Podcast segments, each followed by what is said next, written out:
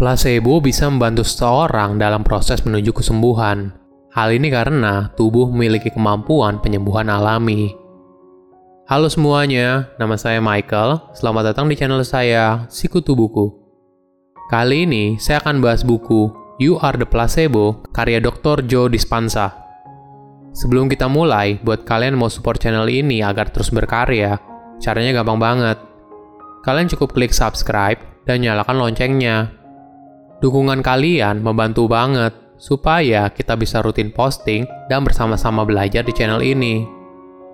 Buku ini membahas bagaimana placebo bisa membantu kamu dalam proses menuju kesembuhan. Buat yang belum tahu, placebo adalah jenis obat kosong yang tidak mengandung zat aktif dan tidak dapat memberikan efek apa pun terhadap kesehatan. Biasanya, obat placebo digunakan oleh para ilmuwan sebagai perbandingan efektivitas obat yang sedang diteliti tapi, apakah mungkin kita bisa sembuh hanya dari pikiran saja, tanpa obat atau tindakan medis? Kenyataannya, kejadian ini sering kali terjadi. Dr. Joe membagikan kisah dari beberapa orang yang berhasil sembuh dari kanker, sakit jantung, depresi, dan sebagainya dengan percaya pada placebo. Bukan hanya kisah orang lain, Dr. Joe juga bercerita tentang pengalamannya sendiri saat mengalami kecelakaan sepeda hingga tidak bisa berjalan. Namun, akhirnya dia berhasil sembuh dan bisa berjalan lagi tanpa melakukan operasi. Di bukunya, Dr. Joe menuliskan beberapa penelitian ilmiah tentang placebo dan efeknya bagi kesehatan seseorang. Saya merangkumnya menjadi tiga hal menarik dari buku ini. Pertama, apakah efek placebo nyata? Seringkali kita tidak menyadari kalau tubuh kita memiliki kemampuan untuk menyembuhkan dirinya sendiri tanpa perlu ada intervensi dari luar. Sebagai contoh, ketika kamu terluka dan berdarah, coba kamu perhatikan. Luka tersebut perlahan-lahan akan berhenti berdarah, dan seiring berjalannya waktu, proses penyembuhan akan terjadi, hingga akhirnya ada sedikit bekas luka yang tersisa di tubuhmu. Hal ini berarti, pada dasarnya, tubuh kita memiliki kemampuan penyembuhan, Dr. Joe menceritakan pengalamannya dengan placebo. Ketika berumur 23 tahun, Dr. Joe mengalami kecelakaan yang fatal saat mengikuti kompetisi triathlon. Enam ruas tulang belakangnya patah dan dia diprediksi tidak akan bisa berjalan lagi seumur hidupnya apabila dia tidak menjalani operasi. Dr. Joe kemudian memutuskan untuk tidak mempercayai prediksi tersebut. Dia pulang ke rumah untuk menghabiskan waktu bermeditasi dan memvisualisasikan tubuhnya kembali sembuh. Ajaibnya, dalam 12 minggu, luka berat di tulang belakangnya sembuh dan dia bisa berjalan kembali.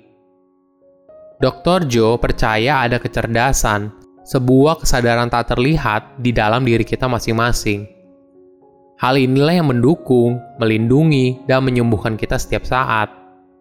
Menariknya, ini bukan soal menyangkal kondisi kesehatan yang kamu alami, melainkan kamu melihat pada kemungkinan yang muncul ketika kamu melangkah ke kenyataan yang baru. Keyakinan mempunyai kekuatan untuk merubah kenyataan hidup seseorang. Pada tahun 2002, ada sebuah penelitian yang melibatkan 180 pasien untuk menjalani operasi dalam mengobati penyakit osteoartritis pada lutut. Pasien dipilih secara random untuk menjalani operasi pada umumnya, dan beberapa menerima operasi placebo. Hasilnya cukup mengejutkan. Pasien yang menjalani prosedur operasi normal tidak menerima hasil yang berbeda dengan pasien yang menjalani operasi dengan placebo. Selain itu, ada penelitian lain yang juga menarik. Ketika meneliti studi terkait obat antidepresan pada tahun 1998, psikolog Irvin Kirsch menemukan bahwa 19 uji klinis yang melibatkan lebih dari 2.300 pasien mengalami peningkatan kesembuhan bukan berasal dari obat antidepresan, tapi dari placebo. Kenapa hal ini bisa terjadi? Ternyata, efek placebo bekerja jauh lebih baik bila kamu optimis dan memiliki harapan kalau obat tersebut bekerja.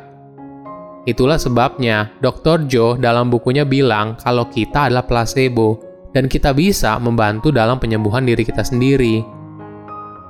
Kedua, placebo, dan kekuatan pikiran. Hal yang paling sulit ketika memutuskan untuk berubah adalah tidak melakukan pilihan yang sama seperti kemarin. Pada dasarnya, pikiran dan tubuh kita sering terjebak dalam lingkaran setan. Ketika kita berpikir negatif dan pesimis, tubuh akan memproduksi hormon stres yang efeknya setelah bertahun-tahun akan menghasilkan penyakit yang kronis. Masalahnya, kebiasaan pikiran negatif ini terekam dengan baik di pikiran bawah sadar kita. Berdasarkan penelitian yang dilakukan oleh Universitas California, kita memiliki 60.000 hingga 70.000 buah pikiran dalam sehari, yang mana 90%-nya sama seperti hari sebelumnya. Fakta menarik lainnya yaitu pikiran bawah sadar kita mencapai sekitar 95% dari pikiran kita. Menurut Dr. Joe, program di otak kita sudah diatur hingga 95% pada usia 35 tahun. Hal ini berarti ketika kita menggunakan pikiran sadar kita yang sekitar 5% untuk berpikir positif, sementara 95% sisanya sudah terbiasa berpikir negatif. Maka itu diibaratkan kita seperti sedang berenang melawan arus. Satu-satunya cara untuk keluar dari lingkaran ini adalah menjadi sadar atas pikiran kita sendiri. Dr. Joe menyarankan kita untuk melatih pikiran dengan visualisasi. Kuncinya adalah membuat pikiran dalam diri kita terlihat lebih nyata daripada lingkungan di luar diri. Karena pada dasarnya, otak kita tidak bisa mengetahui perbedaannya. Contoh sederhananya seperti ini. Jika kita melihat ada makanan enak, pasti air liur kita muncul Efek yang sama juga terjadi bila kita membayangkan makanan enak dalam pikiran kita. Air liur kita juga muncul. Inilah salah satu yang unik antara hubungan tubuh dan pikiran.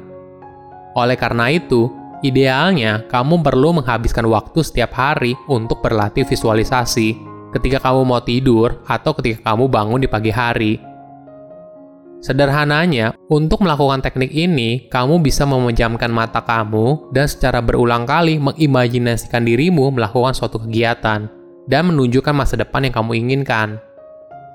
Visualisasi adalah salah satu alat yang bisa membantu kamu menyadari apa yang kamu butuhkan dan kemudian menuntun kamu untuk menyapainya. Ketika melakukan visualisasi, kita akan menggunakan pikiran untuk meyakinkan bahwa sadar kita kalau apa yang kita inginkan itu merupakan sesuatu yang mungkin terjadi. Dan timbal baliknya adalah akan tercipta suasana batin yang penuh harap dan penyembuhan diri bisa terjadi. Ketiga, placebo dan meditasi. Dr. Joe menyarankan kita untuk berlatih meditasi 45 hingga 60 menit sehari. Melalui latihan meditasi dengan panduan, Hal ini akan membantu kamu untuk mengubah beberapa keyakinan atau persepsi tentang dirimu. Ada beberapa persiapan yang bisa kamu lakukan sebelum mulai bermeditasi. Pertama, kapan waktu meditasi? Dr. Joe menjelaskan ada dua waktu di mana sangat kondusif untuk bermeditasi, yaitu sebelum kamu tidur di malam hari dan ketika kamu bangun di pagi hari. Dua waktu ini merupakan kondisi di mana gelombang otak kamu sangat kondusif untuk bermeditasi. Pilih waktu yang paling cocok buat kamu dan jadikan ini sebuah rutinitas. Kedua, di mana lokasi meditasi? Yang paling penting adalah kamu harus memilih tempat di mana kamu tidak akan terganggu dari lingkungan sekitar. Carilah lokasi yang nyaman untuk duduk selama kurang lebih satu jam.